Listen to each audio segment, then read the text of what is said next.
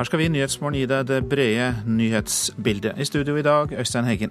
Nordmenn er mer misfornøyde med tilbudet av kjøtt, frukt og grønt enn forbrukere i de fleste andre europeiske land. En datafeil stanset i går all togtrafikk på Østlandet i tre timer. Viser hvor sårbare vi er, sier informatikkprofessor. Europarådet skal granske om norsk barnevern bryter menneskerettighetene. Det skjer etter en omstridt barnevernssak i Sogn og Fjordane.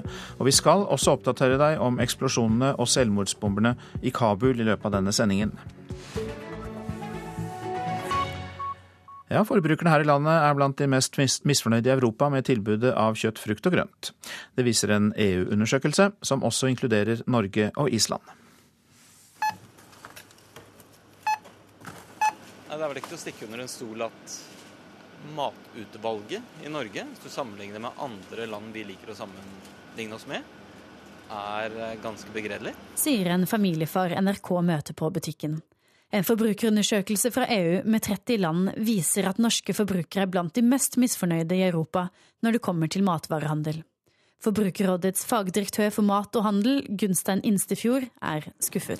Det som er oppsiktsvekkende, er at vi kommer da veldig dårlig ut sammenlignet med andre land på to viktige områder, og det er frukt og grønt og kjøtt. Der ligger vi helt på bunn i Europa. For å si det veldig enkelt, selv om vi bor i et stort land og vi er et få antall mennesker her, og det er store avstander og krevende å distribuere ferskvarer, så må vi forvente bedre enn dette. Snittet i EU ligger på 80 av 100 mulige, mens det i Norge akkurat bikker 70.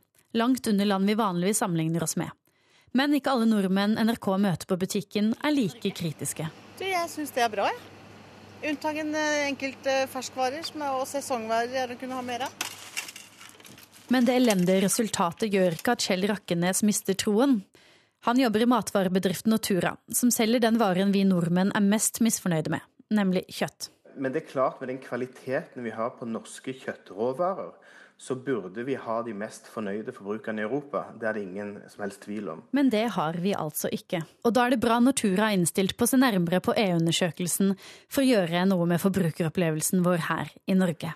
Jeg tror at vi eh, må stille oss selv det spørsmålet i Norge om vi, eh, vi er gode nok til å eh, tilby det mangfoldet vi har av norske kjøttråvarer ut til forbrukerne. Og Derfor så tror jeg det er viktig at hele verdikjeden går inn i dette her.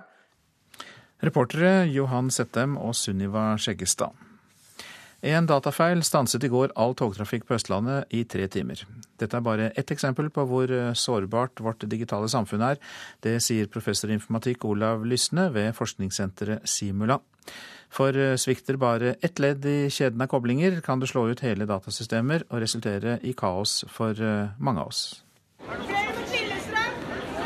Er det flere som skal til Asker? Spikkestadbanen? Buss for bane og fullstendig kaos for reisende på Oslo S i går. Grunnen en datafeil. Og krasjer det først, får feilen større konsekvenser nå enn før, sier pressesjef Tor Erik Skarpen i Jernbaneverket. Før så kunne det være feil med reléapparater eller sånt noe lokalt som ramma enkelte banestrekninger. Men nå i vår moderne tid så er det sånn at du faktisk kan få en feil i selve sentralnervesystemet, datastyringen av det hele. Og i går så ble jo da hele Østlandet ramma. Og vi har flere eksempler. I april lå politiets datasystemer over hele landet nede i elleve timer. I 2011 kunne man ikke ringe for mobilnettet til Telenor hadde kollapsa. Og i 2013 streiket halvparten av landets minibanker. Det er nok et tegn på den, den, den digitale sårbarheten som vi, som vi, nå har bygget opp i hele samfunnet. Sier Olav Lysne, professor ved Simulasenteret. Veldig ofte da, når vi går inn i detaljene for hva det er som har skjedd, så er det en ganske liten Liten sak, liten detalj som har gått galt, og så har det fått veldig veldig store konsekvenser. I gamle dager sa man at alt henger sammen med alt, og det, slik er det i den digitale verden. Og Veldig ofte så blir vi overrasket, og vi har ikke helt kontroll med hver enkelt lille detalj i datasystemene våre, hvilke konsekvenser det vil få at de faktisk går ned. Han mener det offentlige og private må øke den digitale kompetansen for å unngå store datakrasj, som vi så i går. Jeg tror nok det er en fremtid vi må leve med en stund.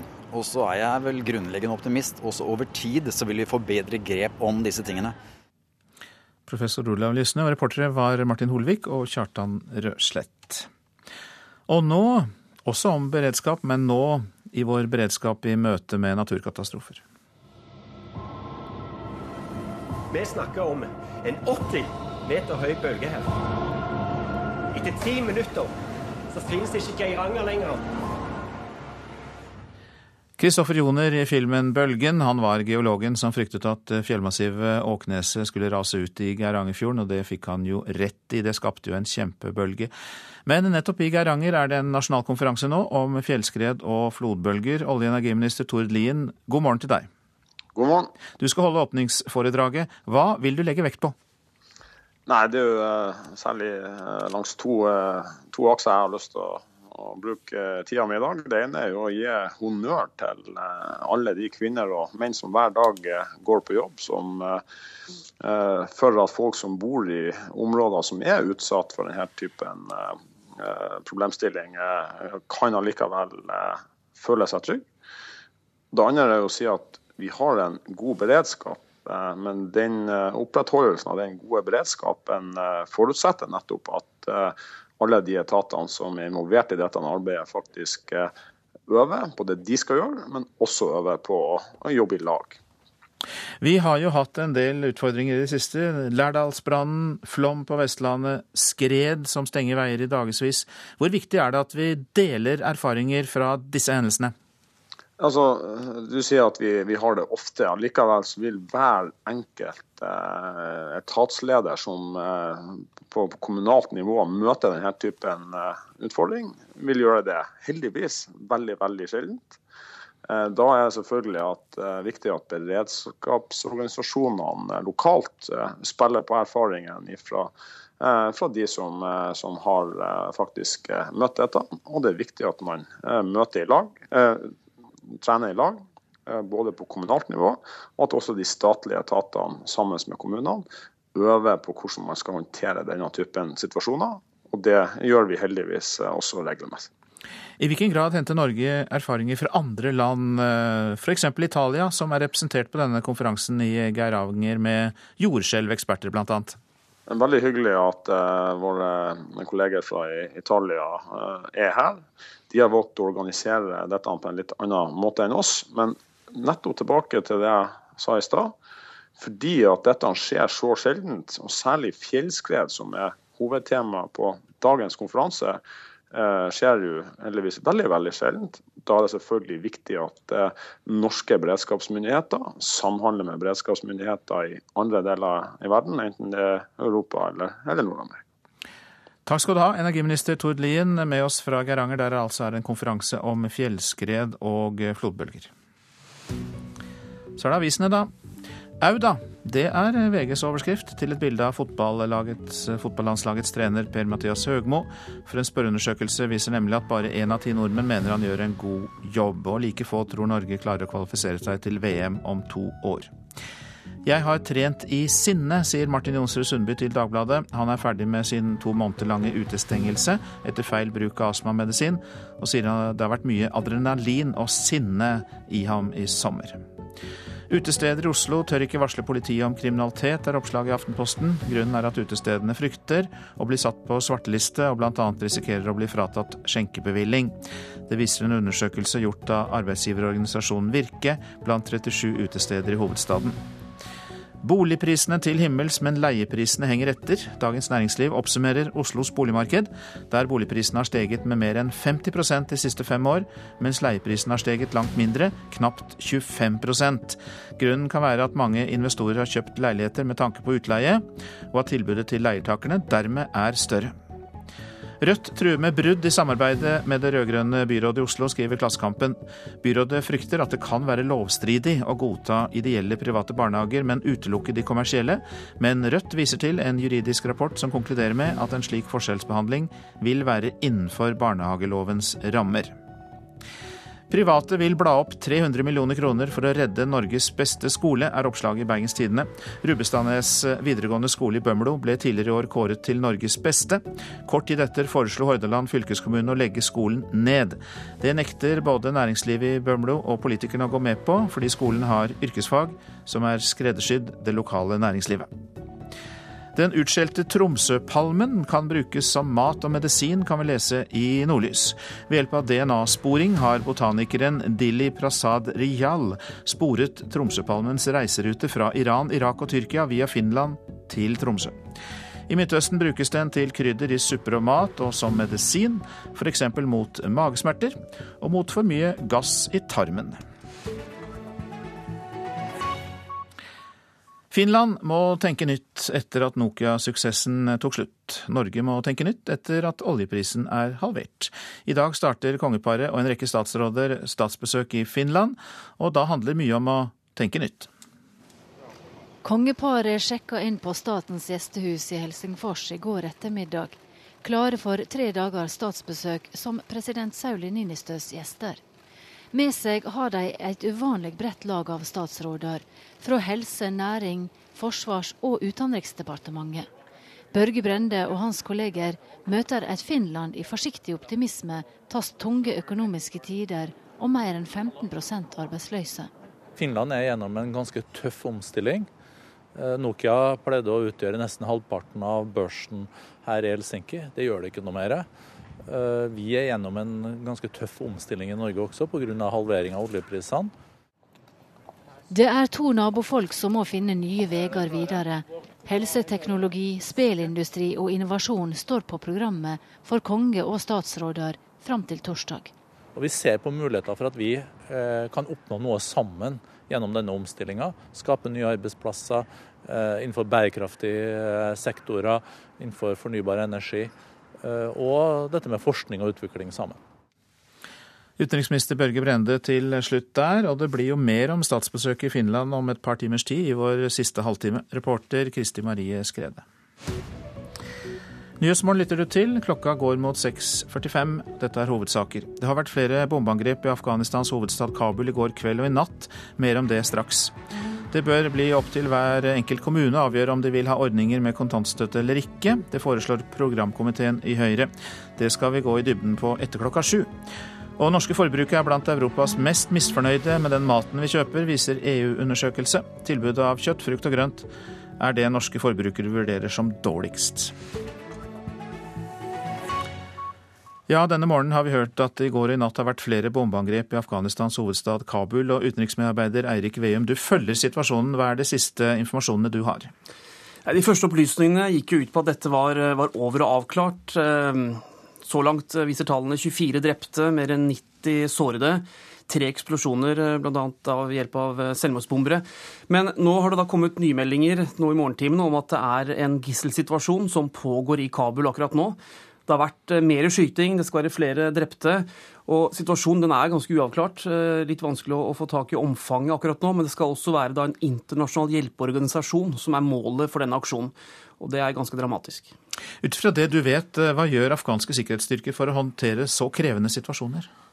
Dette er jo veldig vanskelig oppdrag å løse selv for en spesialstyrke. Altså Her handler det jo om å gå inn i bygninger. Det er mange sivile til stede, sannsynligvis eksplosiver, minefeller. Og bare det å se forskjell da, på et gissel og en gisseltaker kan være vanskelig. Altså, her har man jo samme type klær, og hvis man ikke kjenner disse personene, så vet man jo ikke helt hvem, hvem man faktisk da skal eh, forsøke å redde, og hvem man skal eh, eventuelt forsøke å ta livet av. Det er høy risiko for tap, både sivile og egne soldater. Men dette er sannsynligvis en styrke, altså Den afghanske spesialstyrken er en, er en, enhet som går under navnet CRU, altså en Crisis Response Unit. Den er trent opp bl.a. av norske spesialstyrker og har vært med på flere slike aksjoner tidligere. Er det i hele tatt mulig å forebygge slike terrorangrep? Er kanskje noe av det vanskeligste en, en sikkerhetsstyrke i et land kan gjøre. Det viktige her er jo å ha gode kontroller selvfølgelig da, i, en, i en by som Kabul sjekke hvem som skal inn og ut av byen, eh, hva ulike personer man mistenker for å tilhøre Taliban, da, som har utført dette angrepet, har, eh, har eh, av aktiviteter og hva, hva de driver med.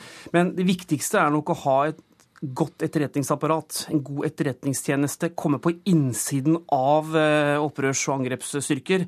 For når det først smeller, så er det for sent. Så man må jo gjøre ting på forhånd og forebygge før, er, før angrepene kommer. Takk skal du ha, Eirik Veum, og du følger jo denne situasjonen i Kabul for oss nå på morgenen. Takk skal du ha. Politiet er fortsatt ikke sikre på hvem mannen som ble funnet død i Søndre Land lørdag kveld er. Den foreløpige obduksjonsrapporten eh, eh, har ført politiet nærmere identifisering, men eh, de innrømmer at det haster å fastslå identiteten sikkert for å komme på sporet av en gjerningsperson. Rapporten gjør imidlertid at politiet med sikkerhet kan si at de etterforsker en drapssak. Det sier politiinspektør Johan Petter Bærland. Av hensyn til etterforskningen så kan jeg ikke gå inn på detaljene i den foreløpige rapporten, men eh, jeg kan si såpass at eh, de funnene som er gjort der, de styrker den konklusjonen vi har, og den hypotesen vi har om at dette er et drap. Så det er vi nå helt sikre på. Politiinspektør Bærland sier det er funnet av den avdøde, hans tilstand og funn på åstedet som gjør at politiet er sikre på at det er snakk om drap. Avdøde ble funnet i sterkt forbrent tilstand og hadde voldsomme skader. Det var lørdag kveld klokken 19.30 at mannen ble funnet død i et turområde ved Fluberg bru i Søndre Land. Et ungt polsk par som var på tur og fotograferte naturen, fant liket. De ble i går avhørt av politiet. Politiet har sperret av et flere kilometer stort område rundt funnstedet, og bl.a. en hundepatrulje har søkt for å finne nye spor. Politiet har ikke fastsatt om funnstedet er stedet mannen ble drept, eller om han ble fraktet dit. Vi holder eh, fortsatt eh, begge muligheter åpne. Dvs. Si at eh, dette er enten et funnsted eller at det er et åsted. Så vi er nødt til å etterforske bredt og holde disse mulighetene åpne fortsatt. Mannen er fortsatt ikke identifisert, men obduksjonsrapporten har ført politiet nærmere når det gjelder mannens identitet. Politiinspektør Berland innrømmer at det haster, både å få mannen identifisert og ikke minst komme på sporet av en eller flere gjerningspersoner. Det haster jo å komme i mål med arbeidet med identifikasjon av eh, avdøde og varsling av pårørende. Og på den måten kunne snevre inn eh, etterforskningen og forhåpentligvis få noen spor eh, etter hvem vi skal gå etter og finne en mistenkt. Dette gjaldt altså mannen som ble funnet død i Søndre Land i Oppland fylke, og politiet er fortsatt interessert i observasjoner fra publikum. Reporter var Knut Øyvind Hagen. Europarådet skal granske om norsk barnevern bryter menneskerettighetene. Bakgrunnen er den omstridte barnevernssaken i Naustdal i Sogn og Fjordane, der et foreldrepar ble fratatt fem barn. Foreldrene har fått barna tilbake etter en rettsavgjørelse. Lederen for den norske delegasjonen i Europarådet, Ingjerd Schou, ønsker granskningen velkommen. Jeg tenker at Norge, akkurat som alle andre land, har godt av å bli kikket i korta. enten få bekreftet at vi gjør ting på en ordentlig og god måte i henhold til både menneskerettigheter og lovgivning. Eh, og hvis ikke vi gjør det, så må vi også korrigere kurs, akkurat som alle andre land eh, må det. Det var sosialkomiteen i Europarådet som i juni i år kom fram til at det skal gjennomføres en gransking av norsk barnevern. Bakgrunnen er den omstridte Naustdal-saka, der et norsk-rumensk kristent foreldrepar ble fratatt fem barn. Naustdal-saka førte til et voldsomt engasjement, med både nasjonale og internasjonale protestaksjoner mot norsk barnevern. I den sammenheng ba en rumensk og en moldovisk parlamentariker om å se nærere på barnevernet i Norge. I samband med Europarådets gransking skal det utarbeides en rapport om norsk barnevern. Heller ikke nestleder i den norske delegasjonen til Europarådet, Lise Christoffersen fra Arbeiderpartiet, har noe imot at norsk barnevern blir granska. Vi har diskutert det i den norske delegasjonen, og siden situasjonen ble som den ble, og med alle de uh, oppfatningene rundt omkring i mange land av det norske barnevernet, så ble vi enige om at vi kommer ikke til å motsette oss at uh, det utformes og utarbeides en sånn rapport. Vi ser heller at det er positivt i den situasjonen som oppsto. Rådmannen i Naustdal, Øyvind Bang-Olsen, ønsker ikke å uttale seg på radio om at barnevernssaka i kommunen hans er bakgrunnen for ei internasjonal gransking av norsk barnevern. I en e-post til NRK skriver han imidlertid følgende. Vi har ikke kjennskap til dette, og ei internasjonal gransking ligger dessuten utenfor vårt naturlige område å kommentere. Og Bård Siem var reporter. Det må stilles mye strengere krav til hvor mye penger som skal brukes på kunst når staten bygger nytt, mener Foreningen norske billedkunstnere. Etter at stadig flere statlige virksomheter er blitt skilt ut som egne selskaper, er ordningen blitt uthullet, mener kunstnere.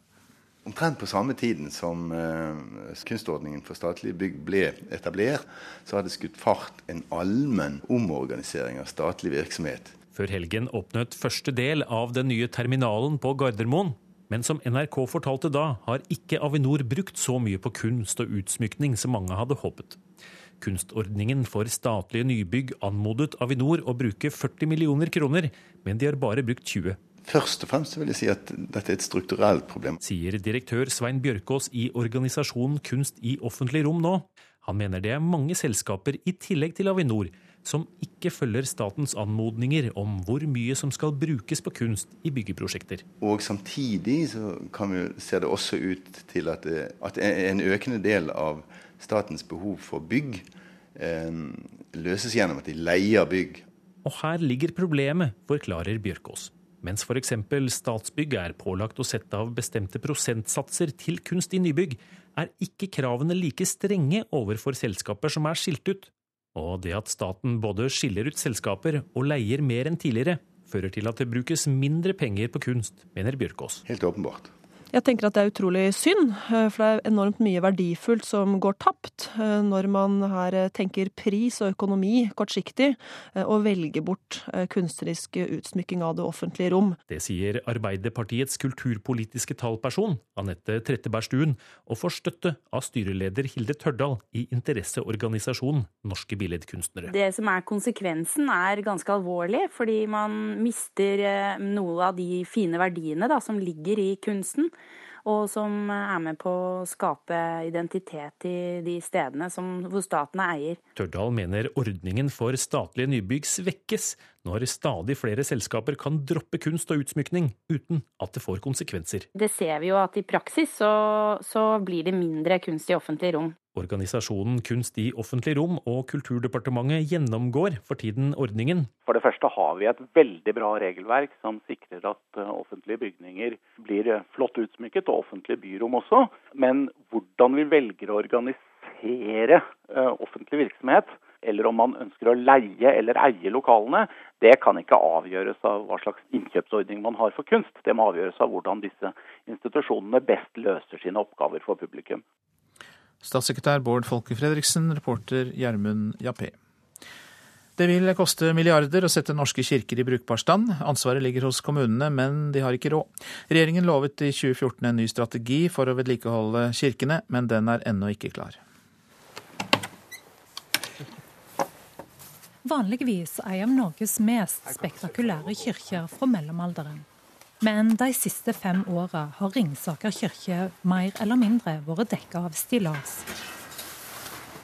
Det er jo ganske skjemmende å ha et stillas rundt en middelalderkirke så lenge. Eh, vi har jo brudepar som eh, har valgt bort kirka vår f.eks. For eksempel, fordi at det står stillaser der. Og stillaser forsvinner ikke med det første, forteller kirkeverget Kai Ove Berg. Målet er jo at taket skal ettergås og det skal gjøres tett.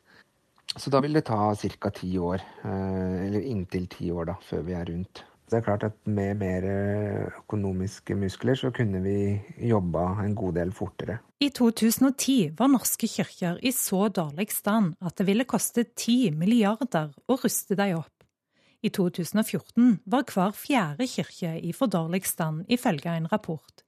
Da sa daværende kulturminister Toril Vidvei dette. Det er noe som regjeringen nå jobber med. Eh, det er å få lagt den planen, få en oversikt over det som trengs. Og så skal vi komme tilbake igjen når den planen er klar.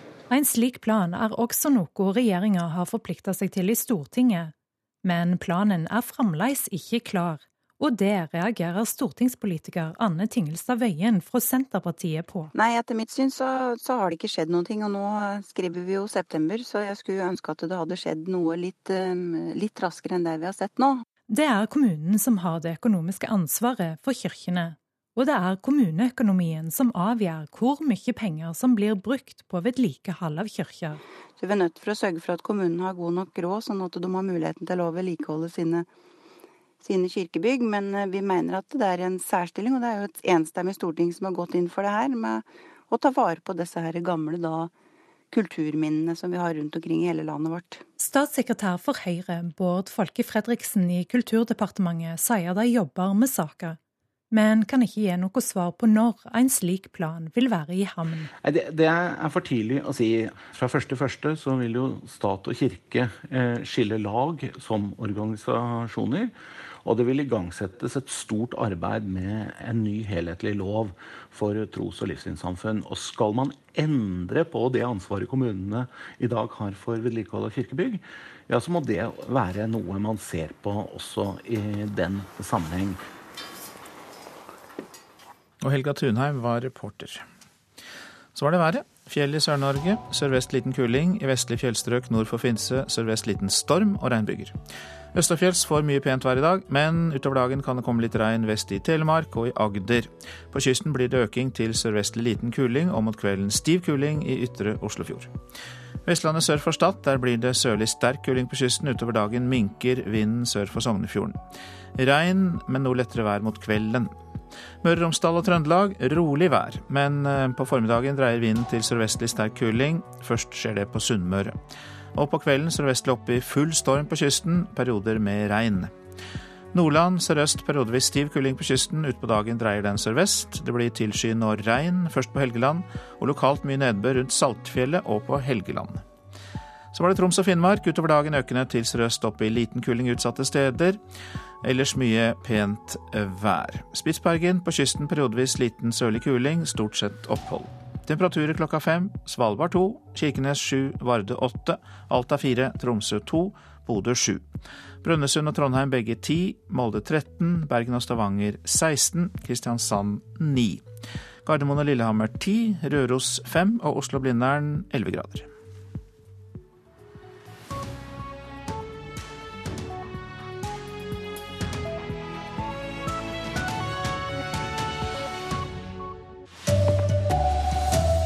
Det er urolig i Kabul. Væpnede menn har angrepet en bistandsorganisasjon. Og vi blir mer sårbare for datakrasj, sier professor. Her er NRK Dagsnytt klokken sju. En bistandsorganisasjon i Afghanistans hovedstad Kabul er angrepet. Én person er drept. Det melder landets innenriksdepartement, som sier at angriperne trolig er inne i bygningen.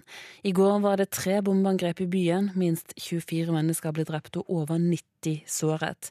I dag tidlig foregikk det fortsatt kamper mellom sikkerhetsstyrker og angriperne, men det er usikkert om dette er noe med angrepet mot bistandsorganisasjonen å gjøre.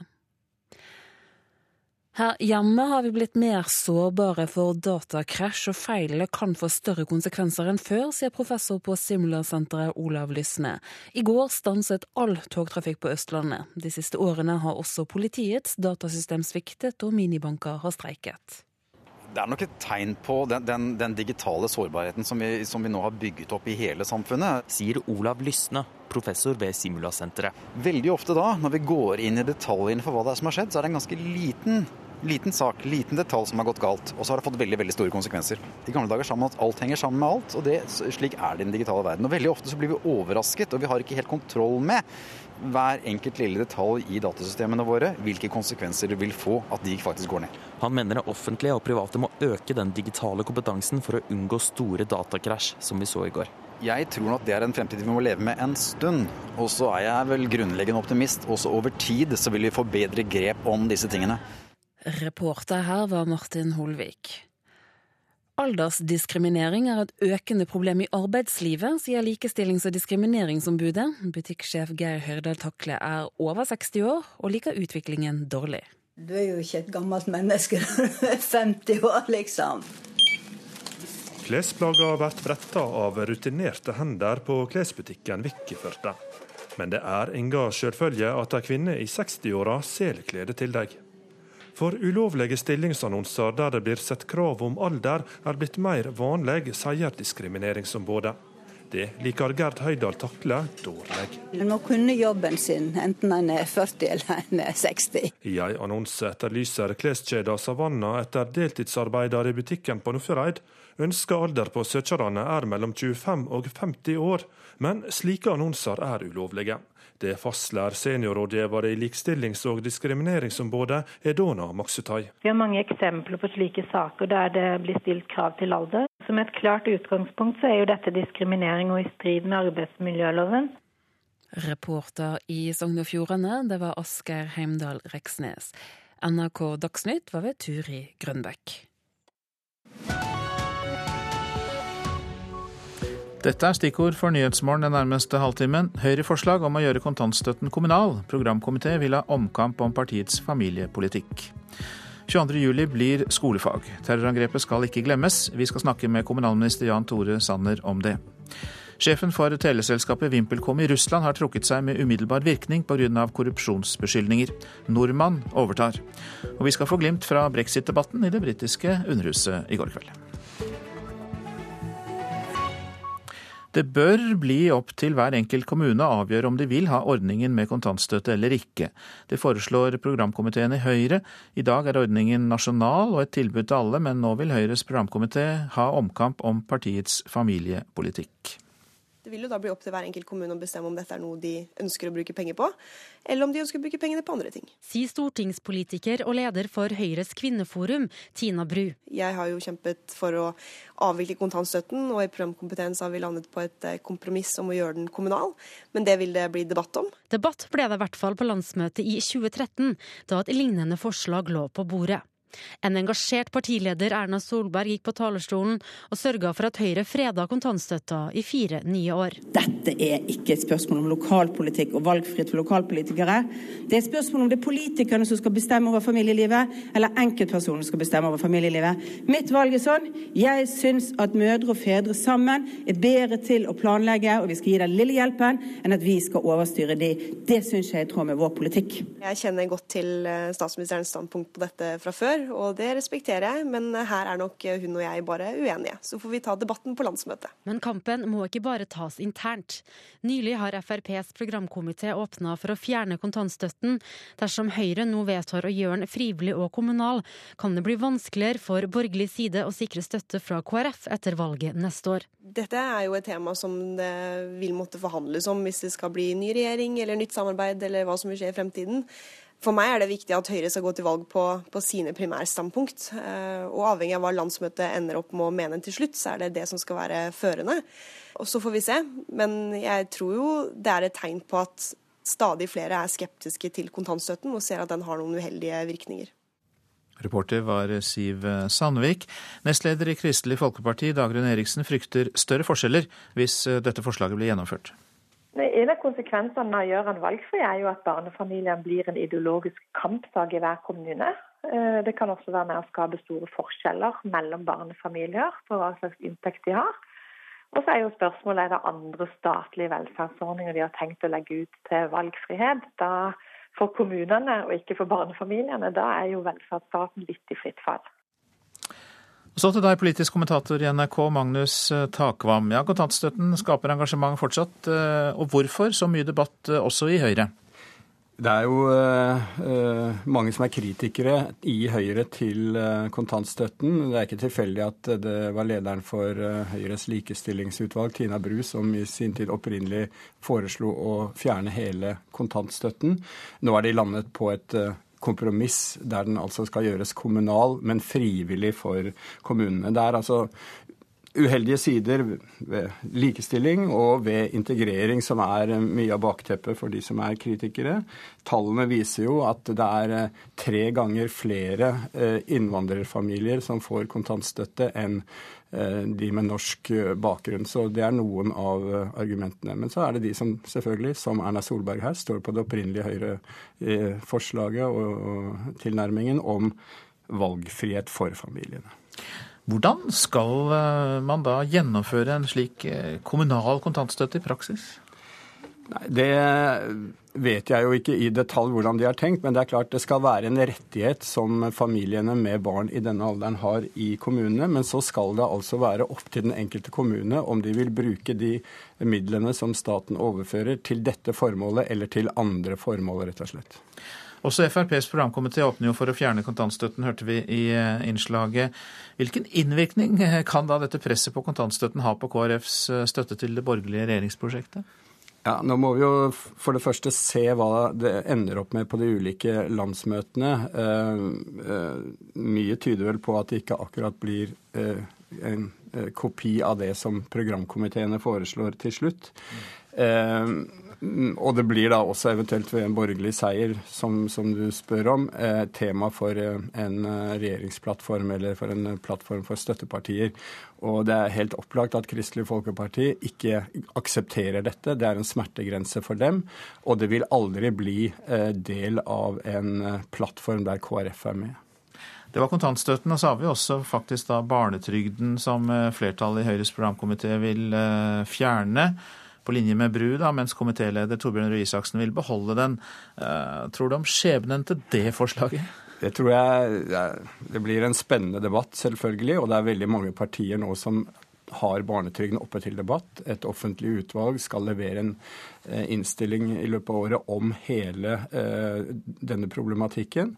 Det er et veldig radikalt forslag, altså å fjerne hele barnetrygden og i stedet bruke det til gratis barnehage og eh, skolefritidsordning for alle barn. Eh, Tina Bru hadde opprinnelig et forslag om å fjerne barnetrygden men å bruke den målrettet til de mest inntektssvake familiene. Nå skal den altså være universell gratis barnehage og SFO for alle. Eh, det er en svær reform som jeg, tror, eh, som jeg ikke tror blir vedtatt i den form på Høyres landsmøte. Takk skal du ha for at du oppklarte dette for oss, Magnus Takvam. Og det blir jo da debatt om kontantstøttens framtid i Politisk kvarter også. Kvart på åtte. Selvfølgelig, vil jeg vel si, Håvard Grønli? Vi må la partiene på høyresida møte hverandre om eh, dette. Høyre møter KrF, møter Frp. Takk skal du ha. Om en eh, drøy halvtime blir vel det. Kvart på åtte. Politisk eh, kvarter, altså. Et nytt undervisningsopplegg lanseres i dag eh, på det nye 22. juli-senteret på Utøya. Nå skal terrorangrepet inn i timeplanen til elever fra 9. klasse til og med 3. klasse på videregående skole. Det som skjedde 22. juli 2011 skal ikke bli glemt. Og eh, det var jo en fredag ettermiddag midt i fellesferien. Anders Behring Breivik satte fra seg en bil med sprengstoff utenfor Høyblokka i regjeringskvartalet i eh, Oslo.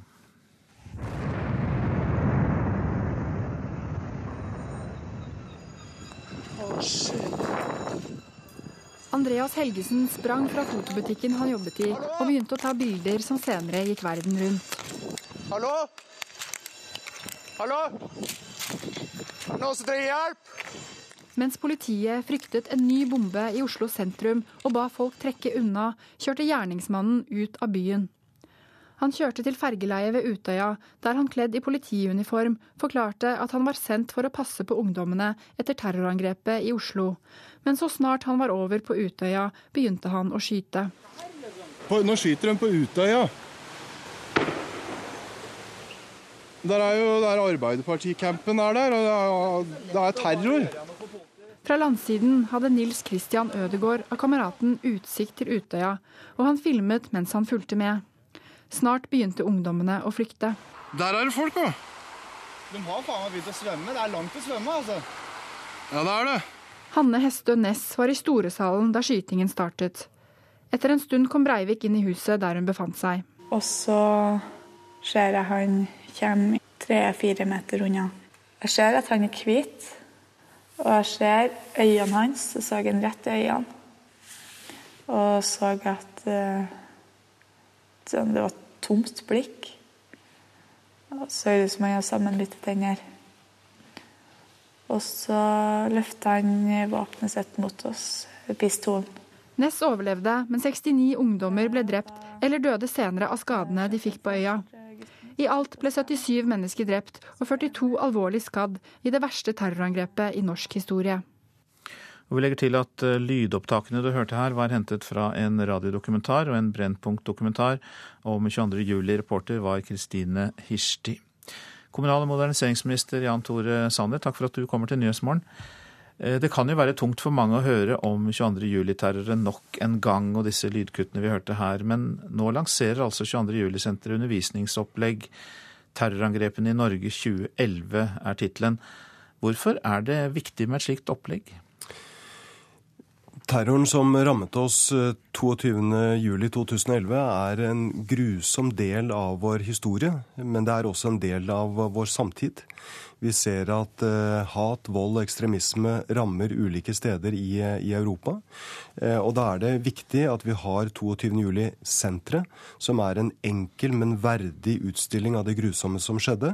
Nå ønsker vi også å ha et undervisningsopplegg knyttet til selve utstillingen for ungdom fra 9. klasse og oppover. Og det er jo fordi at eh, den aldersgruppen har behov for å stille spørsmål, reflektere diskutere hvordan kan de være med på å skape en bedre, bedre verden. Og for mange unge i dag så er 22.07.2011 lenge siden. Eh, og det blir lengre for hver, hver dag som går, og, og, da er det viktig at eh, vi integrerer dette også som en del av undervisningen. Ja, Hvordan skal undervisningen eh, legges opp? Skal de da besøke senteret og i tillegg ha informasjon om dette på skolen? Det er viktig at de besøker, besøker senteret. Det er sterkt å, å, gå der, fordi det er en så enkel og brutal måte de viser hva som skjedde den grusomme, grusomme dagen. Eh, men jeg tror vi alle har behov for å reflektere etter at vi har sett en slik utstilling. Eh, stille en del spørsmål, og det er, det, vi ønsker å, ta ungdommen med på. Eh, og diskutere hvordan mener de at det som skjedde bør formidles i dag og i, fremtiden. Og hvordan kan de selv være med på å, forhindre at dette skjer igjen. Jeg er jo overbevist om at kunnskap det er vårt viktigste verktøy i kampen mot hat, vold og ekstremisme. Og da er 22. juli-senteret et godt utgangspunkt for en slik eh, diskusjon. Hvordan skal lærerne gjøres i stand til å takle dette, for det er jo, det er jo fortsatt så nært for mange. Eh, får de noe ekstra støtte for å takle det? Det er, eh, det, det er, nært. Og for, for, for, for, voksne i dag så er det klart at 22.07 fortsatt vekker sterke minner. Mange familier er fortsatt uh, sterkt uh, preget. Mange mistet uh, en av sine kjære, en, en, en venn, en, en, mor, en far eller et, et, barn. Så mange familier er sterkt preget. Samtidig så, så, det, så, så er det mange unge i dag, så, så blir 22.07 også veldig lenge siden. og Det er derfor vi mener at tiden er inne til at dette også er en del av undervisningsopplegget. Og På 22.07-senteret så er de dyktige til å, til å veilede, og, og, vil også eh, dra lærerne med i, i denne, denne diskusjonen. Takk skal du ha, kommunal- og moderniseringsminister Jan Tore Sanner. Dette er Nyhetsmorgen, og klokka den nærmer seg 7.16. Vi har disse hovedsakene. En bistandsorganisasjon i Afghanistans hovedstad Kabul er angrepet. Det var eh, også flere bombeangrep seint i går kveld i byen. Minst 24 skal være drept og mer enn 90 eh, såret i de eh, angrepene. Vi følger denne situasjonen videre utover morgenen. Det bør bli opp til hver enkelt kommune å avgjøre om de vil ha ordningen med kontantstøtte eller ikke. Det foreslår programkomiteen i Høyre. Og en datafeil stanset i går all togtrafikk på Østlandet i tre timer. Det viser hvor sårbare vi er, sier informatikkprofessor Olav Lysne. Sjefen for den russiske avdelingen i teleselskapet VimpelCom har trukket seg med umiddelbar virkning, og blir erstattet av nordmannen Kjell Johnsen. Bakgrunnen er påstander om bestikkelser til myndighetene i en region nord i Russland. Det var i går kveld teleselskapet VimpelCom på sine nettsider opplyste at direktøren for virksomheten i Russland, Mikhail Slabodin, etter eget ønske er fratrådt sin stilling og erstattet av nordmannen Kjell Johnsen. Ifølge selskapet skjer dette etter at det har kommet fram at Slabodin er under etterforskning i en større korrupsjonssak som nå rulles opp i Russland. Utgangspunktet for denne saken er påstander om at den tidligere guvernøren i Komi nord i Russland, Vjatsjislav Gaisa, og hans medarbeidere har mottatt store penger under bordet. Norske Telenor har 33,6% av aksjene i VimpelCom og kontrollerer 43% av stemmene i de styrende organene i selskapet. VimpelCom er gjennom varemerket Beeline en av tre store mobiloperatører i Russland, og har også aktiviteter i en rekke andre land, bl.a. Ukraina, Kasakhstan og Usbekistan. Ifølge den russiske avisen Vedomosti befinner Mikhail Slabodin seg i utlandet for øyeblikket, men han skal være villig til å komme tilbake til Russland for å avgi forklaring. Likevel valgte altså VimpelCom å erstatte ham med nordmannen Kjell Johnsen, som har lang erfaring fra det russiske markedet. Saken vekker voldsom oppsikt her i Russland fordi den kobles med en annen korrupsjonssak som involverer en av Russlands rikeste menn, Viktor Wekselbergs nærmeste samarbeidspartnere. Den mektige russiske etterforskningskomiteen kunngjorde i går at de har arrestert to personer som var mistenkt for å ha betalt store summer under bordet i forbindelse med utbygging og modernisering av energiforsyningen i Komi. Alle i Russland er enige om at det er viktig å bekjempe den omfattende korrupsjonen. Men opposisjonspolitikeren Grigorij Javlinskij sier i en kommentar til radiostasjonen Moskvas Ekko nå i dag tidlig at kampen mot korrupsjon er politisk styrt, og at den kan ramme alle som driver forretninger, ikke minst i vanskelige økonomiske tider som nå. Morten Jentoft, Moskva. Og tilbake til gisselaksjonen i Afghanistans hovedstad Kabul. Ifølge myndighetene er det en bistandsorganisasjon som er angrepet. Og utenriksmedarbeider Eirik Veum, du følger med. Hva er det som foregår? Det pågår en aksjon da i eh, Afghanistans hovedstad Kabul, altså i, i sentrumsområdene. Eh, det er landets innenriksdepartement som er kildene til det her. Og det er altså en bistandsorganisasjon som er under et angrep. Ehm, det er en gisselsituasjon inne i bygget. Eh, afghanske spesialstyrker forsøker å komme seg inn. Eh, det skal være Taliban-militssoldater inne i bygget. De er usikre på hvor mange. Det kan være så få som to. Men det skal være flere sivile drept, eh, flere skadd. Og, ehm, og, dette føyer seg da inn i rekken av et svært urolig døgn da i Kabul. Ja, for seint i går kveld så var det vel flere bombeaksjoner og selvmordsaksjoner? Ja da, så langt så er 24 personer drept, mer enn 90 såret. Det er i hvert fall de foreløpige tallene. Og eh, det var altså da mm, i går kveld hvor både selvmordsbombere og utplasserte bomber da gikk av i, i Kabul, i området altså i sentrumsområdet i nærheten av Innenriksdepartementet og mange internasjonale hoteller. Så det har jo da vært noen blodige timer da i, i Kabul så langt. Fortsatt er det også mye usikkerhet, og vi følger selvfølgelig med på dette. Du kan også få mer i Dagsnytt, selvfølgelig, 7.30.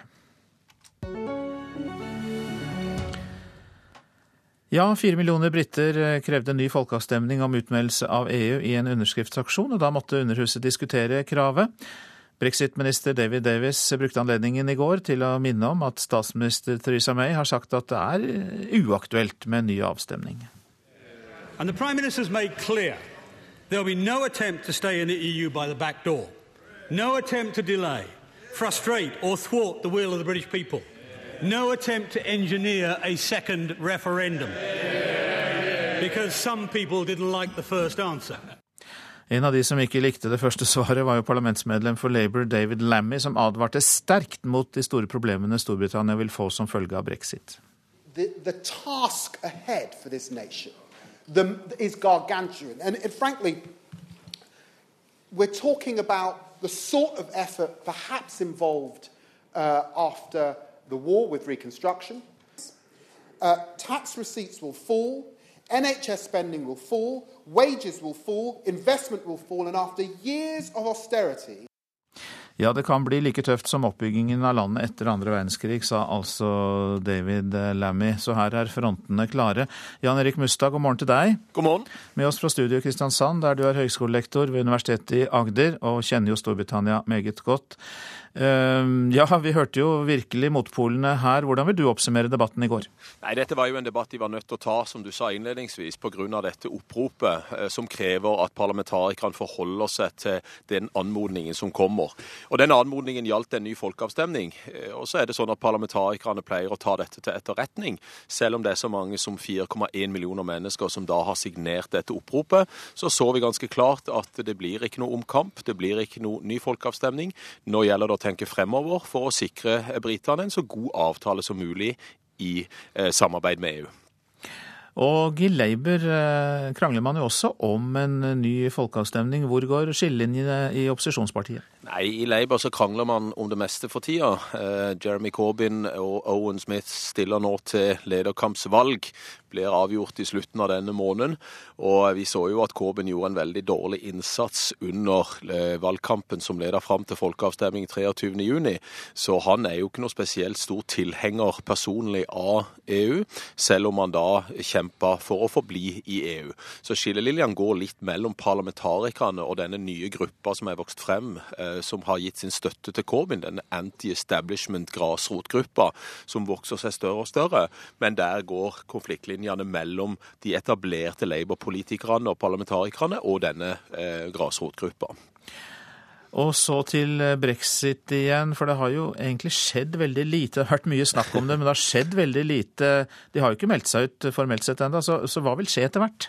Nei, det er jo det. Eh, nå, nå, er det jo sånn at når det ikke ligger noen plan på bordet, der er ingen forhandlingsdelegasjon, der er ikke noe tidsramme for dette som er blitt offentliggjort iallfall, og da florerer spekulasjonene om hva som vil skje. Ny folkeavstemning, nytt parlamentsvalg. Eh, vil vi melde oss ut, eller vil vi ikke melde oss ut? Men planen til regjeringen er nok ganske klar. De vil bruke den tida som er nødvendig for å klekke ut en god strategi. Og Teresa Mays mandat er helt klart. Hun ønsker å få den best mulige avtalen med EU. Eh, og da må hun ha en god strategi på plass, og ikke minst en god forhandlingsdelegasjon på plass, som kan legge fram Storbritannias ønsker og eventuelt krav om en tilknytning til Den europeiske unionen. Kan de som fortsatt vil være i EU håpe på en omkamp på en annen måte enn en folkeavstemning? Er det, er det en annen type vri? Kan det skje noe etter eventuelt et nytt parlamentsvalg og en ny regjering? Ja, det er jo dette eh, de som da ønsker å forbli i EU, spekulerer og håper på at det kan skje. For i politikken så skjer det ting hele tida, og, og, vi kan aldri være for skråsikre i den ene eller den andre retningen. Men sånn som det ligger i dag, så er det ikke noe plan om å eh, velte det resultatet som kom 23.6, selv om det var et lite flertall, selv om stemmeprosenten var godt under 75, og selv om det kanskje ble lite informasjon om at 16- og 17-åringer også hadde mulighet til å stemme. Men jeg tror ikke, sånn som det iallfall ligger i dag, eh, i begynnelsen av september, at det er noe annen vei utenom. Hun ønsker nok Teresa May en minimal eh, skilsmisse, hvis vi kan kalle det det, med EU.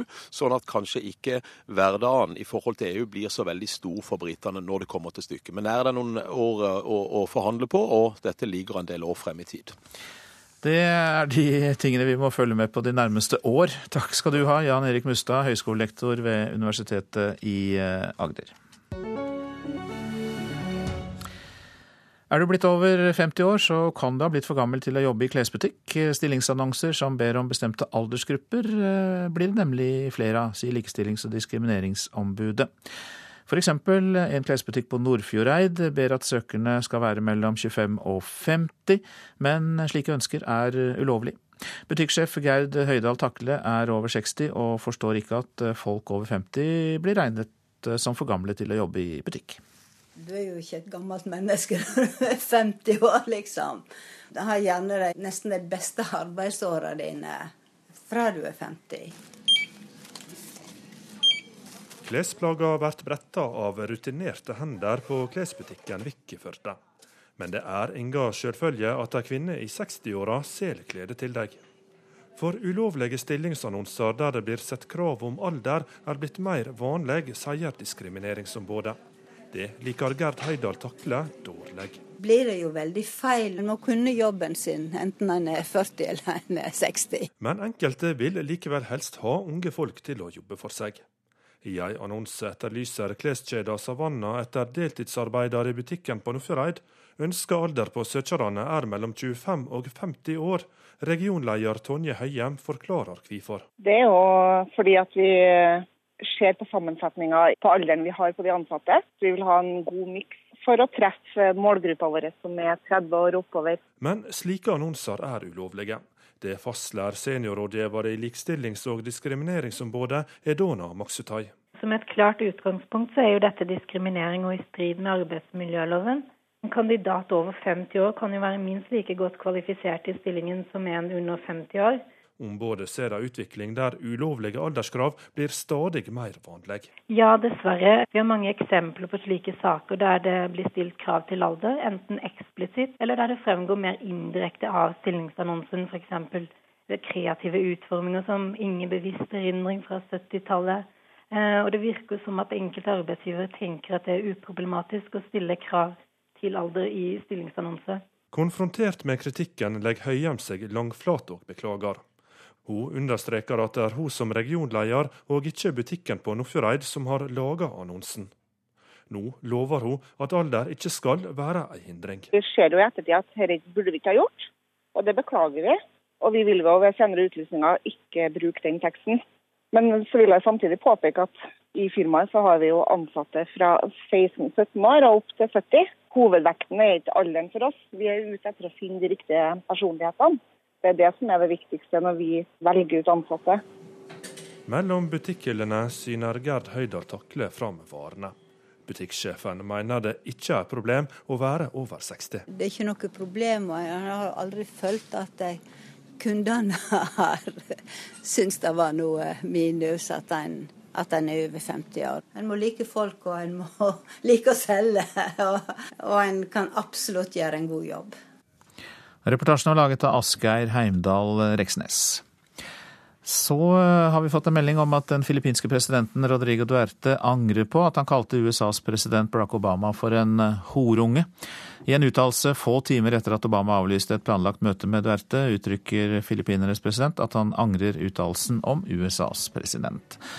Duerte kom med utfallet før han dro til Laos, der han skulle delta på et eh, toppmøte. og Det var planlagt et eget møte med Obama der, men det ble altså avlyst fra amerikansk side.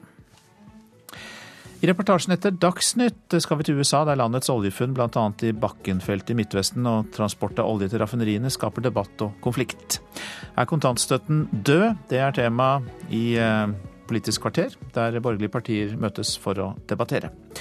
Produsent for Nyhetsmorgen, det er Anne Jetlund Hansen i dag. Her i studio, Øystein Heggen.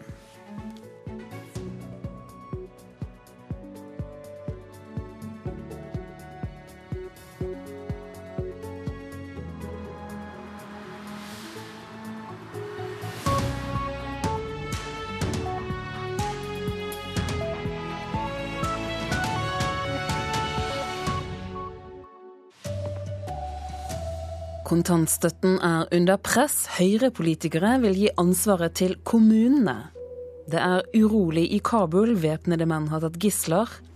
Og terrorangrepet 22.07 blir pensum i skolen. Her er NRK Dagsnytt klokken er 7.30. Det bør bli opp til hver enkelt kommune å avgjøre om de vil ha ordningen med kontantstøtte eller ikke. Det foreslår programkomiteen i Høyre. I dag er ordningen nasjonal og et tilbud for alle, men nå kan det bli omkamp om kontantstøtten i Høyre. Det vil jo da bli opp til hver enkelt kommune å bestemme om dette er noe de ønsker å bruke penger på, eller om de ønsker å bruke pengene på andre ting. Sier stortingspolitiker og leder for Høyres kvinneforum, Tina Bru. Jeg har jo kjempet for å avvikle kontantstøtten, og i programkompetens har vi landet på et eh, kompromiss om å gjøre den kommunal, men det vil det bli debatt om. Debatt ble det i hvert fall på landsmøtet i 2013, da et lignende forslag lå på bordet. En engasjert partileder, Erna Solberg, gikk på talerstolen og sørga for at Høyre freda kontantstøtta i fire nye år. Dette er ikke et spørsmål om lokalpolitikk og valgfrihet for lokalpolitikere. Det er et spørsmål om det er politikerne som skal bestemme over familielivet, eller enkeltpersonen som skal bestemme over familielivet. Jeg kjenner godt til eh, statsministerens standpunkt på dette fra før, og det respekterer jeg, men her er nok hun og jeg bare uenige. Så får vi ta debatten på landsmøtet. Men kampen må ikke bare tas internt. Nylig har FrPs programkomité åpna åpna for å fjerne kontantstøtten. Dersom Høyre nå vedtar å gjøre den frivillig og kommunal, kan det bli vanskeligere for borgerlig side å sikre støtte fra KrF etter valget neste år. Dette er jo et tema som det vil måtte forhandles om hvis det skal bli ny regjering eller nytt samarbeid eller hva som vil skje i fremtiden. For meg er det viktig at Høyre skal gå til valg på, på sine primærstandpunkt. Eh, og avhengig av hva landsmøtet ender opp med å mene til slutt, så er det det som skal være førende. Reporter var Siv Sandvik. Nestleder i Kristelig Folkeparti, Dagrun Eriksen, sier hun frykter større forskjeller dersom forslaget blir gjennomført og det blir debatt i Politisk kvarter nå like etter Dagsnytt.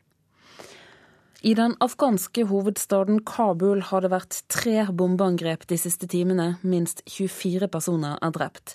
Et siste angrep skal være rettet mot en bistandsorganisasjon der minst én person er drept og flere nå blir holdt som gisler. Afghanske spesialstyrker i kamp med Taliban i Kabul sentrum. Det pågår en gisselsituasjon her nå, og situasjonen er uavklart. Det er en internasjonal bistandsorganisasjon som er målet til Talibans militskrigere. Der holder de nå gisler, og spesialstyrkene forsøker å komme seg inn. Det startet med eksplosjoner og selvmordsbombere. Så kom angriperne, forteller et av vitnene. I går ble Kabul rammet av tre bombeangrep. Og så langt er minst 24 drept, mer enn 90 skadet. Men det er ventet at tallet på døde og sårede vil stige utover dagen. Det sa reporter Eirik Veum, og ifølge afghanske kilder skal det ikke være utenlandske hjelpearbeidere blant gislene. Terrorangrepet 22.07 blir nå skolefag. Angrepet skal inn på timeplanene for elever fra 9. klasse og til og med 3. klasse på videregående. 22.07 er en del av historien vi ikke må glemme. Det sier kommunalminister Jan Tore Sanner. Vi ser terrorhandlinger andre steder i Europa. Vi ser hat, vold og, og ekstremisme. Eh, og mange av de som er barn i dag, de husker ikke hva som skjedde 22.07. Mange ungdommer så er det vagt, det er langt eh, tilbake i tid. Eh, men det er en del av vår historie og vår samtid, og da er det viktig at ungdom diskuterer hva vi kan lære, og hvordan vi kan forhindre at den type ting skjer igjen.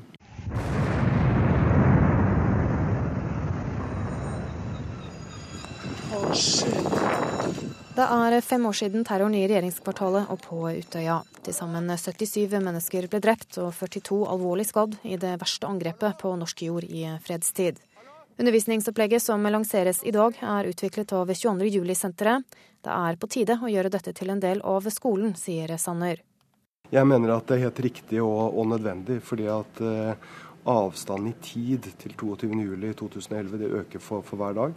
Eh, og for mange ungdommer i dag så er 22.07.2011 veldig lenge siden. Eh, og da er det viktig at uh, ungdom lærer og diskuterer, reflekterer, stiller, stiller, spørsmål. Og jeg er overbevist om at kunnskap det er vårt viktigste våpen i kampen mot hat, vold og ekstremisme. Reporter her var Lena Gundersby Gravdal, og så legger vi til at lydopptakene vi hørte var hentet fra en radiodokumentar og en Brennpunkt-dokumentar om 22. juli. Mens boligprisene fortsetter å stige kraftig, så sakker leiemarkedet akterut. De fem siste årene har boligprisene i Oslo steget over 50% Leieprisen har steget under halvparten, det skriver Dagens Næringsliv. En viktig årsak er at mange kjøper for å leie ut, og det er dessuten vesentlig billigere å eie enn å leie. Det påpeker sjeføkonom i Nordea, Kjetil Olsen. Og Går du til leiemarkedet, så må du betale det dobbelte og vel så det for en tilsvarende leilighet. Og da kommer vi til den konklusjonen at det gjør for veldig mange valget enkelt. Eh, det billigere å eie den leiligheten enn å leie den. Sjeføkonomen i Nordea viser hvordan det med dagens rente kun koster litt over 5000 kroner per måned å eie en liten leilighet på 3 millioner kroner. Skulle man ha leid den samme leiligheten, så vil det koste mer enn det dobbelte. Og når boligprisene stiger sånn som nå, så taper de som leier i tillegg verdistigninga. Vi har lagt bak oss eh, den sterkeste augustmåneden vi har registrert eh, noensinne, faktisk, på 2,8 og det er eh, nok en sterk måned. Sa Kristin Wammervold Dreyer, administrerende direktør i Eiendom Norge, da han la fram bruktboligprisene i går. Men leiemarkedet sakka altså akterut, og meglere sier til Dagens Næringsliv at de må løpe mer etter folk for å få dem til å leie nå. Det sa reporter Linda Reinholdsen.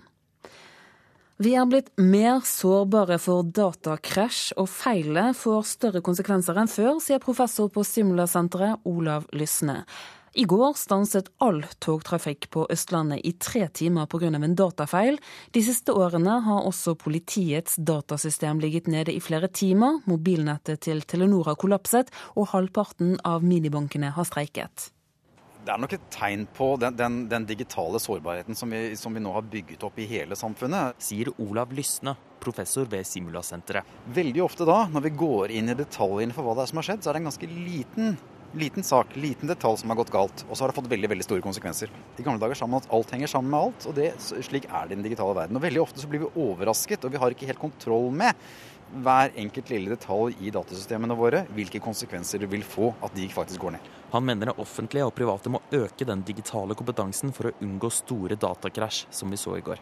Jeg tror nok det er en fremtid vi må leve med en stund. Og så er jeg vel grunnleggende optimist. Også over tid så vil vi få bedre grep om disse tingene. Reporter Martin Holvik. Barn bør følges, men ikke kjøres til skolen av en voksen, i hvert fall de første to skoleårene. Det mener NAF. Kommunikasjonsrådgiver Nils Sødal sier at barn må lære seg å bli gode trafikanter, og det gjør de ikke ved å bli kjørt. 60 000 førsteklassinger har nå drøyt to ukers erfaring i å komme seg til skolen, og undersøkelser NAF har gjort, viser at hver tredje forelder i Norge med barn i skolealder mener at trafikksikkerheten langs skoleveien er et problem. Og så til at nordmenn er blant Europas mest misfornøyde forbrukere. Det viser en fersk undersøkelse EU har gjort av 30 land. Og de eneste som er mer misfornøyde enn nordmenn, det er folk i Bulgaria og Kroatia. Det er vel ikke til å stikke under en stol at matutvalget i Norge, hvis du sammenligner med andre land vi liker å sammenligne oss med, er eh, ganske begredelig. Sier en familiefar NRK møter på butikken. En forbrukerundersøkelse fra EU med 30 land viser at norske forbrukere er blant de mest misfornøyde i Europa når det kommer til matvarehandel. Forbrukerrådets fagdirektør for mat og handel, Gunstein Instefjord, er skuffet. Det som er oppsiktsvekkende, er at vi kommer da veldig dårlig ut sammenlignet med andre land på to viktige områder, og det er frukt og grønt og kjøtt. Der ligger vi helt på bunn i Europa. Men ikke alle nordmenn NRK møter på butikken er like kritiske. Jeg syns det er bra, jeg. Unntagen en enkelte ferskvarer som er, og sesongvarer jeg kunne ha mer av.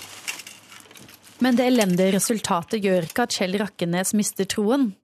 Han jobber i matvarebedriften Nortura, som selger den varen vi nordmenn er mest misfornøyde med, nemlig kjøtt. Men det er klart med den kvaliteten vi har på norske kjøttråvarer, så burde vi ha de mest fornøyde forbrukerne i Europa. Det er det ingen som helst tvil om. Men det har vi altså ikke. Og da er det bra Nortura er innstilt på å se nærmere på EU-undersøkelsen for å gjøre noe med forbrukeropplevelsen vår her i Norge. Reportere her, det var Johan Sattam og Sunniva Skjeggestad. Ansvarlig for NRK Dagsnytt denne morgenen, det er Anne Skårseth. Her i studio, Turi Grønbekk.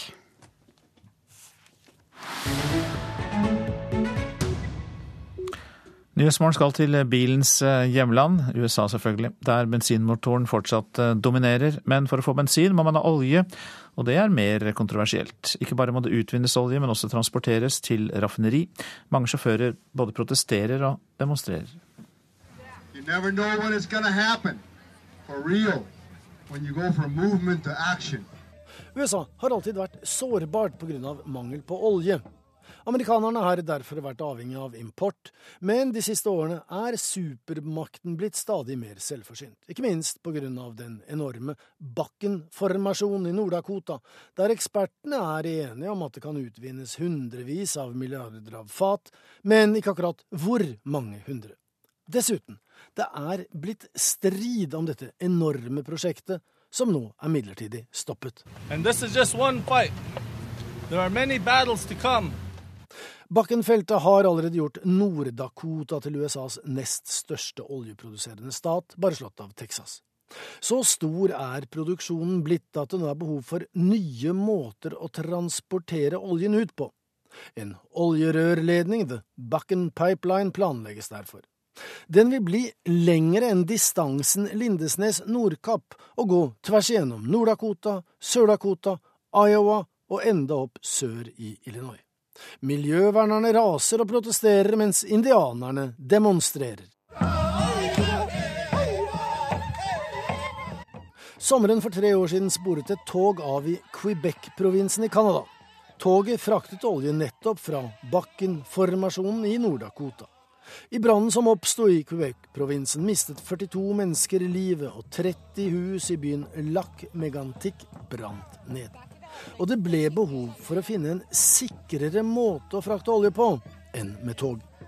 Den 1800 km lange oljerørledningen med en diameter på 75 cm gravd ned ca. en drøy meter under bakken, skal etter myndighetenes og oljefagfolks syn være sikrere enn tog. Men det tror verken indianerne eller miljøvernerne noe på. We do not deserve to We deserve to have Mother Earth taken care of rather than damaged and destroyed. Det har vært en uendelighet av folkemøter og informasjonskampanjer om rørledningen, som vil koste mer enn 30 milliarder kroner å bygge. Parallelt har det vært strid om lovfortolkninger og eiendomsrett. Bøndene, og dem er det mange av i disse traktene, er engstelige for jorda si om det skulle bli lekkasjer. Andre frykter at grunnvannet skal bli forurenset, mens indianerne peker på at oljerørledningen skal gå gjennom områder som myndighetene har anerkjent som hellige for urfolket. Problemet for oljebefrakterne er at oljen er viktig for andre, men ikke for dem som må ha rørledningen over jordene sine eller gjennom åkrene sine. The Standing Sioux Rock Tribe is out here contesting and protesting against the construction of an oil pipeline that will run directly through the reservation. Like ved Standing Rock-reservatet har Dakotas Sioux-indianere protestert i ukevis. 30 av dem er blitt arrestert, men de ansvarlige melder om et enormt engasjement og en helt ukjent form for motivasjon. Uh, we haven't seen a, a large mobilization and unity of this scale for over 140 years. Og vi legger til at oljefeltet Bakken og Bakkenrørledningen er oppkalt etter den norske utvandreren Henry O. Bakken, opprinnelig fra Trysil. Det var på hans gård i Nord-Dakota oljen først ble funnet. Reporter var Joar Hoel Larsen. Dette er hovedpunkter i Nyhetsmorgen. Det bør bli opp til hver enkelt kommune å avgjøre om de vil ha ordningen med kontantstøtte eller ikke. Det foreslår programkomiteen i Høyre. I dag er ordningen nasjonal og tilbud til alle, men nå kan det bli omkamp om kontantstøtte i Høyre. I den afghanske hovedstaden Kabul har det vært tre bombeangrep siden i går kveld, og minst 24 mennesker er drept. Det siste angrepet skal være rettet mot en bistandsorganisasjon, der minst én person er drept og flere blir holdt som gisler. En datafeil stanset all eh, togtrafikk på Østlandet i går med tre timer. Det viser hvor sårbare vi er, sier informatikkprofessor Olav Lysne. Og nordmenn er blant Europas mest misfornøyde forbrukere. Det viser en undersøkelse EU har gjort i 30 land. Det er bare i Bulgaria og Kroatia folk er mer misfornøyde. Nordmenn er mest misfornøyd med tilbudet av kjøtt, frukt og grønt. Så er det Politisk kvarter, og der er Håvard Grønli programleder.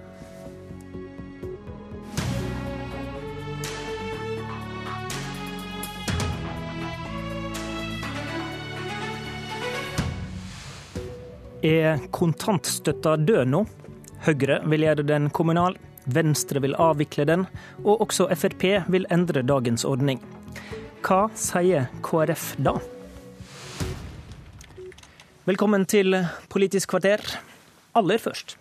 I går meldte nominasjonskomiteen i Nordland KrF at deres forslag til førstekandidat heter Dagrun Eriksen.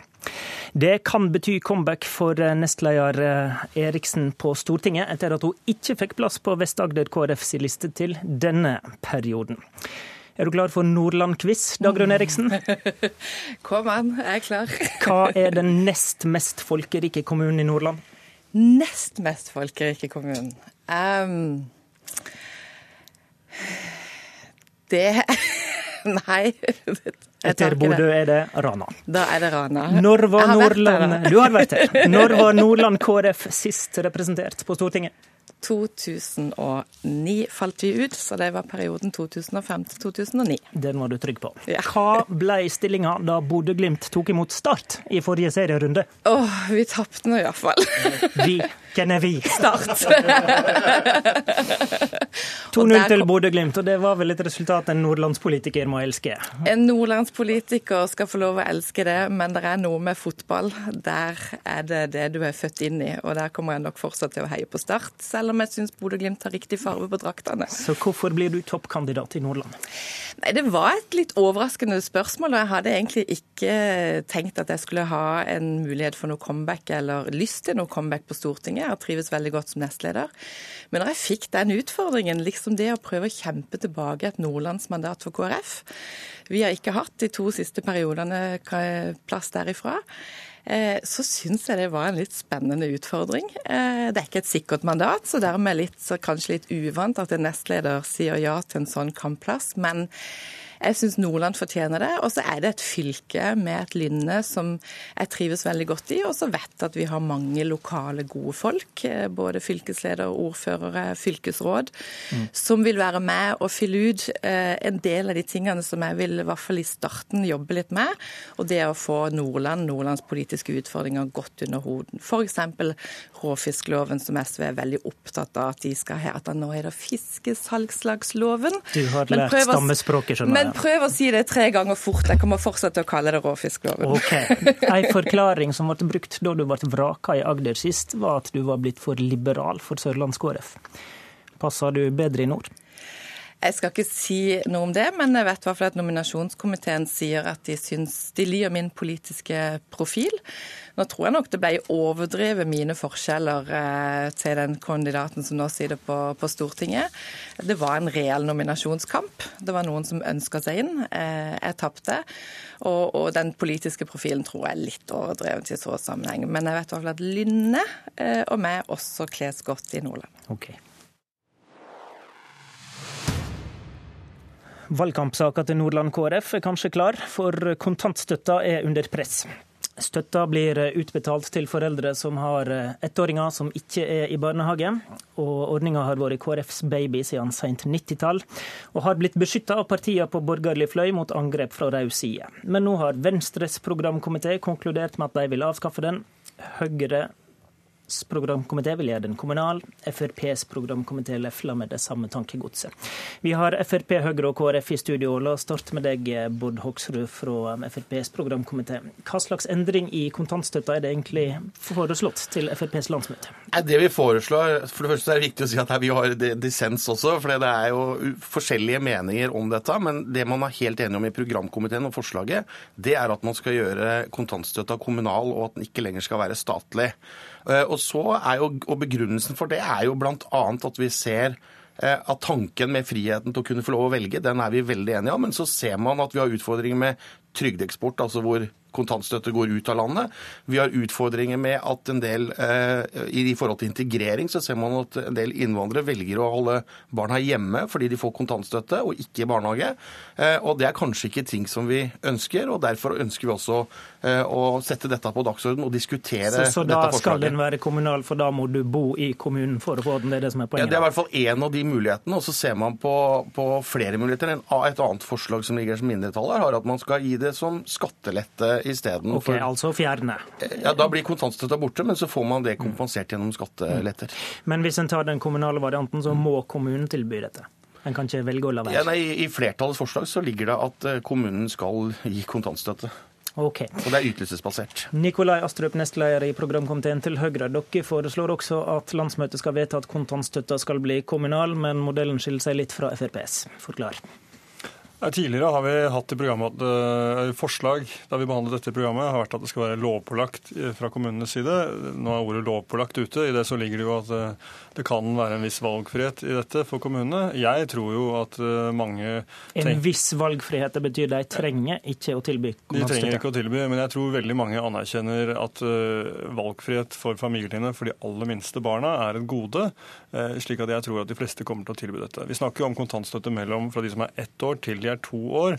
Veldig mange kommuner har også en interesse av å tilby det, fordi at det gir en fleksibilitet med hensyn til barnehageplasser eh, som er viktig for mange.